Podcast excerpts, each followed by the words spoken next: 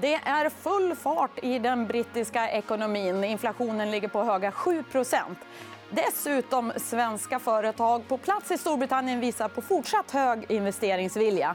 Det här ska vi prata om idag med chefen för den svenska handelskammaren i Storbritannien. Häng med!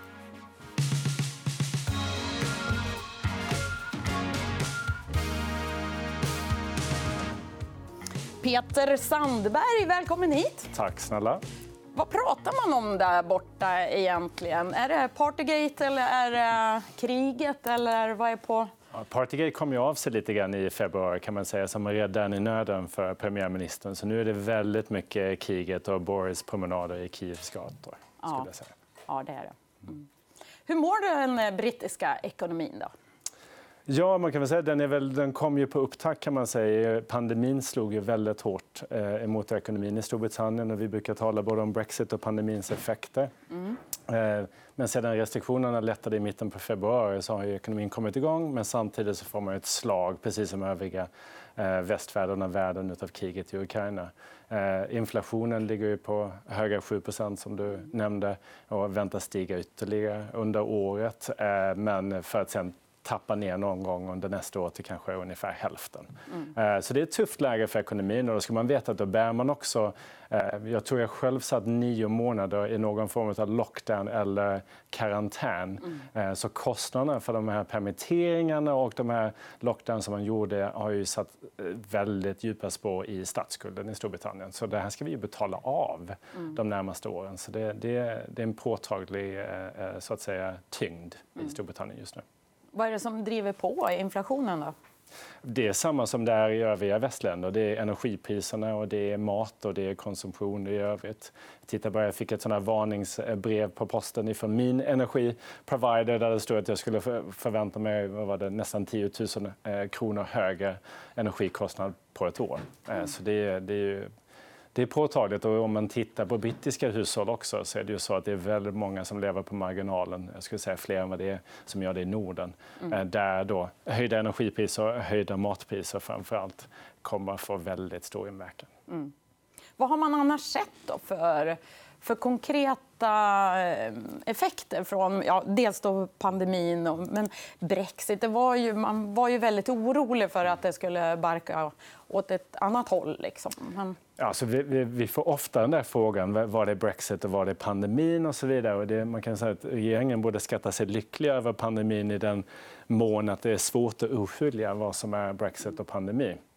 Eh, men om man tittar på Brexit i isolation så är det ju, det är ju allt det där som vi talade om i tre, fyra år innan eh, Brexit. Det vill säga det är tillgängligheten till marknaden som har påverkats. Vi ser ju vad det innebar i förberedelserna eh, av handeln av varor. Till exempel. Vi såg de första månaderna och det var svårt att få igenom varor. Idag så tror jag man har större förståelse för att du kommer inte få varor att flöda på samma sätt som du gjorde innan Brexit.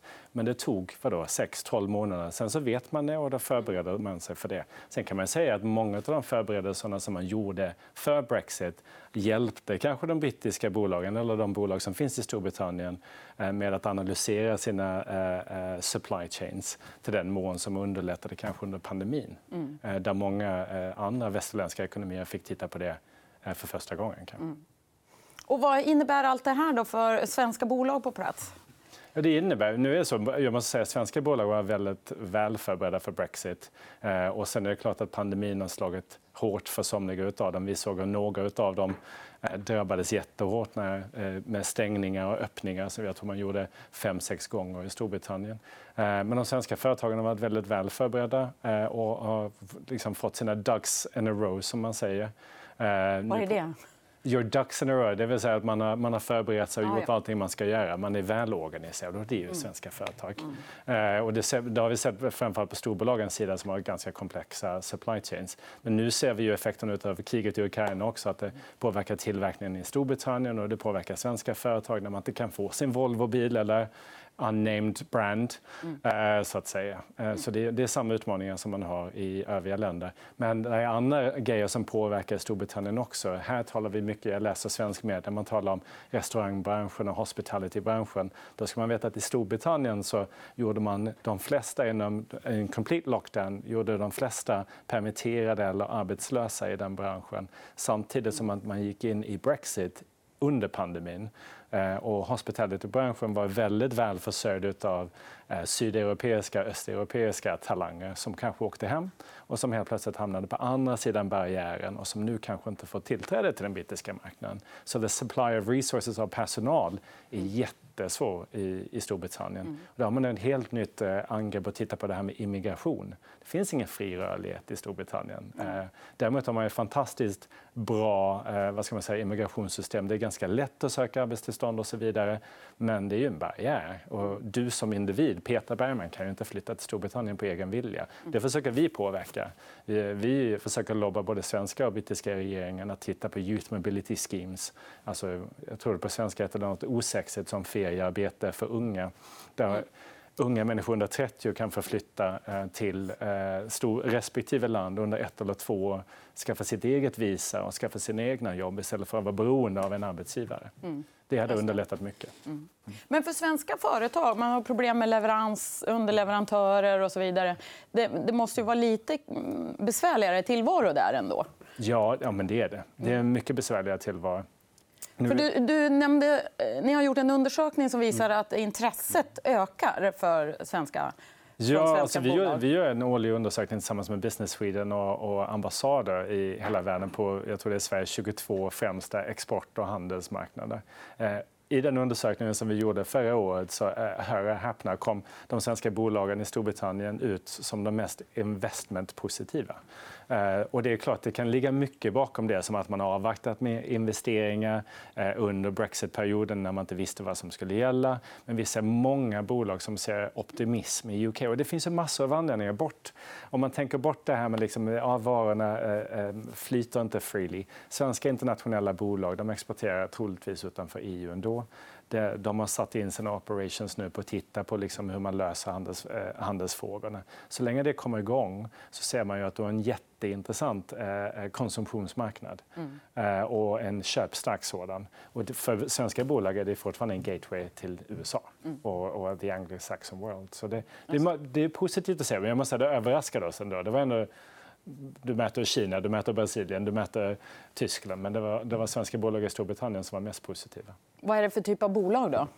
Om vi tittar på de satsningarna, bara för att ge några exempel, de senaste åren så har ju Saab har gjort väldigt stora satsningar. Försvarsutbytet tror jag, mellan Storbritannien och Sverige har liksom lysts upp eh, eh, ganska nyligen, men det är ju djupt och långtgående.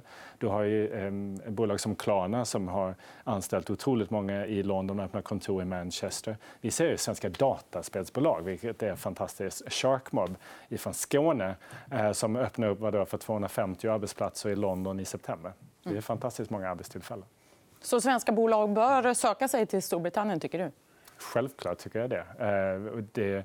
Det är ju så, om man tittar på Sverige och Storbritanniens relation. Jag lyssnade på den brittiska ambassadören igår på ett event som vi hade tillsammans med EY. Där hon berättade om vår vänskapsrelation och handelsrelation som går tillbaka till 1654 eller vad det var. Uh, Oliver Cromwell och, och drottning Kristina skrev under. Under hela de där liksom, 350 åren så är det 25 år som vi har haft en inre marknad. Uh, så det, svenska bolag har alltid tittat till Storbritannien. Det är den naturliga expansionsmarknaden.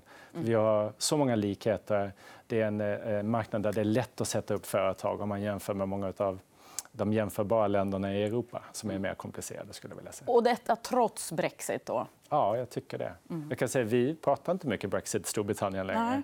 Uh, det finns så många anledningar till det. Men det, det är bara ett nytt förhållningssätt. Uh, om du ska expandera och du ska testa marknaden så gäller det bara liksom att förstå vad du ger dig in på. Ja, du måste söka arbetstillstånd. Ja, du måste kanske söka rådgivning. Men det finns många som kan hjälpa dig på det, mm. inklusive vi. Just. Och vad ser du för risker då? Alltså risken är att man inte förstår vad brexit innebär. Eh, som jag sa, på det här eventet vi hade igår så hade vi experter som talade till exempel när det gäller businessresor. Det där att veta varför du ger dig in i landet. Någonting som jag tror man tänker på om man åker till USA. För det är så eh, ingrained igen att man tänker på att ah, jag måste veta, jag får frågan what is the nature of your business in America? Den typen av frågor kan ju dyka upp i Storbritannien. Men britterna kommer ju vilja göra detta lätt. Man är mån om att Brexit ska bli en succé. Mm. Och det är ju den stora fördelen. Och sen så finns det en enorm förkärlek för svenskar i Storbritannien. Så du har, bara det att man är svensk. Jag har använt det hela mitt liv i Storbritannien, att jag är svensk. Mm. Det är bara fördelar. Hur mycket jobb skapar svenska företag? då? Ja, vi håller på att göra en undersökning nu. Eh, men vi gjorde en snabb undersökning som visar att de tio största arbetsgivarna i Storbritannien anställer 50 000 britter. Och så vi räknar med att det är lätt över 100 000 arbetstillfällen. Mm. Eh, så det är ju det är många svenska bolag. Jag tror det är över 1000 svenska bolag på marknaden. Vi representerar 400 av dem. Eh, och du har stora arbetsgivare som Ikea, H&M och Securitas som nästan anställer 10 000 vardera. Mm. Så det är klart att svenska bolag är liksom djupt rotade på den brittiska marknaden. Och inte bara det, du har bolag som har funnits där i 100 år. Atlas Copco och Ericsson har funnits där i över 100 år. Det. Eh, så det är fantastiskt. Länge innan eh, den Europeiska unionen eh, skapades. Mm. Och, och vice versa då? Ni blir kontaktade av brittiska företag som mm. söker sig till Sverige gissar jag. Det, det, jag tror det finns stort intresse för Norden. Sen är det ju så som, som vi ofta säger att det är ingen jämbördig relation på något sätt. Eh, den brittiska marknaden är en fantastisk tillväxtmarknad för svenska företag och en testmarknad för britterna så är ju Sverige en del av eh, den europeiska unionen. Så, att säga. Eh, så jag tror att det finns ett betydligt större intresse från svenska bolag, framförallt kanske inom techindustrin eh, eller hållbarhetsindustrin om man tittar på de som skapar lösningar på alla de utmaningar som britterna har framför sig, där Sverige kanske har varit 20-30 år före. Då är det här en naturlig expansionsmarknad på ett annat sätt än de brittiska. Men sen finns det väldigt mycket handel från den brittiska sidan också. Mm. Om jag nu har ett företag och jag vill söka kapital i, i Storbritannien, har du några tips? Hur, kan man, hur ser tillgången ut där borta? Alltså, det finns otroligt mycket kapital. Man talar om the death of the city of London och så vidare. Vi har inte sett så mycket av det alls. Mm. Vi undersökte våra finansbolag och våra bolag inom private equity och liknande jag tror det var förra sommaren. Och 95 eh, av dem sa att de var liksom steadfast på den brittiska marknaden i, London. Och två tredjedelar av dem skulle dessutom utöka sina operations. Eh, sen är det en stor skillnad i liksom hur de anställer och några har kanske satt upp europeisk motsvarighet. Men i Storbritannien, i London, så säger vi att det finns 1500-1600 VC-bolag och riskkapitalbolag. Så det finns otroligt mycket kapital. Och jag minns från min tid på brittiska riskkapitalföreningar att vi träffade så många VC-bolag som sa att de ville investera i nordiska bolag. De sa berätta för mig, vem ska investera i. Ehm, så vi har ju sett på Handelskammaren att vi kan agera någon slags mellanhand i den mån vi kan. Eh, belysa svenska techbolag som kommer till marknaden och eh, connecta dem, då, koppla samman dem med, med folk från ekosystemet. För att det finns väldigt få eh, VC-bolag som är närvarande på den svenska marknaden. De är fantastiska, de som är här. Men det finns otroligt många fler aktörer i Londonmarknaden som vi skulle vilja att de kan stå framför. Mm. Och det är techbolag framför allt?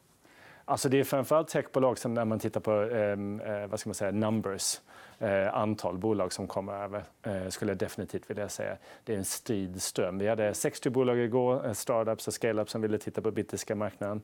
De senaste fyra veckorna har vi gjort ekosystemmöten för dataspelsbranschen, för fintechbranschen och systemtechbranschen. Och det finns liksom en stridström med bolag som vill antingen skaffa sina första kunder på brittiska marknaden eller resa kapital eller rent fysiskt etablera sig där. Mm.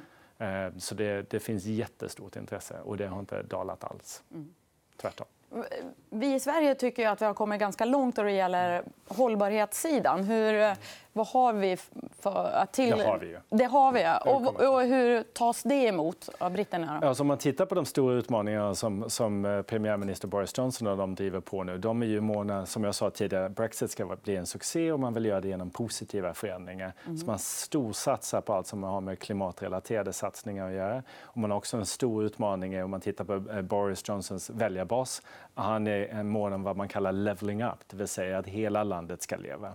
Det är väldigt stora satsningar utanför London. Mm. Vilket gör att för svenska bolag som vill etablera sig så finns det väldigt goda um, incentives, uh, incitament att titta på regionerna utanför. Vi brukar säga att ta bort London så har du 12 mindre europeiska länder i Storbritannien i storlek i olika regioner som man ska titta på. Och de, men det storsatsas på net zero och det storsatsas på leveling up. Och där svenska bolag har ju de här lösningarna. Så vi ser ju hur företag som Skanska och M-verk och Vattenfall och eh, Voi som har kommit över och tagit landet med storm kommer med lösningar. De skriker efter laddningsstationer, de skriker efter svenska lösningar. Vi får ofta e-mail från brittiska myndigheter eh, som frågar har ni någon som kan göra det här. Så det, det är ju liksom en framtidsmarknad för svenska marknaden. Intressant. Kul. Du, tiden rinner på här. Stort tack för att du tog dig tid att komma hit. Tack själv. Tack, tack. Och stort tack till er som har tittat. På återseende.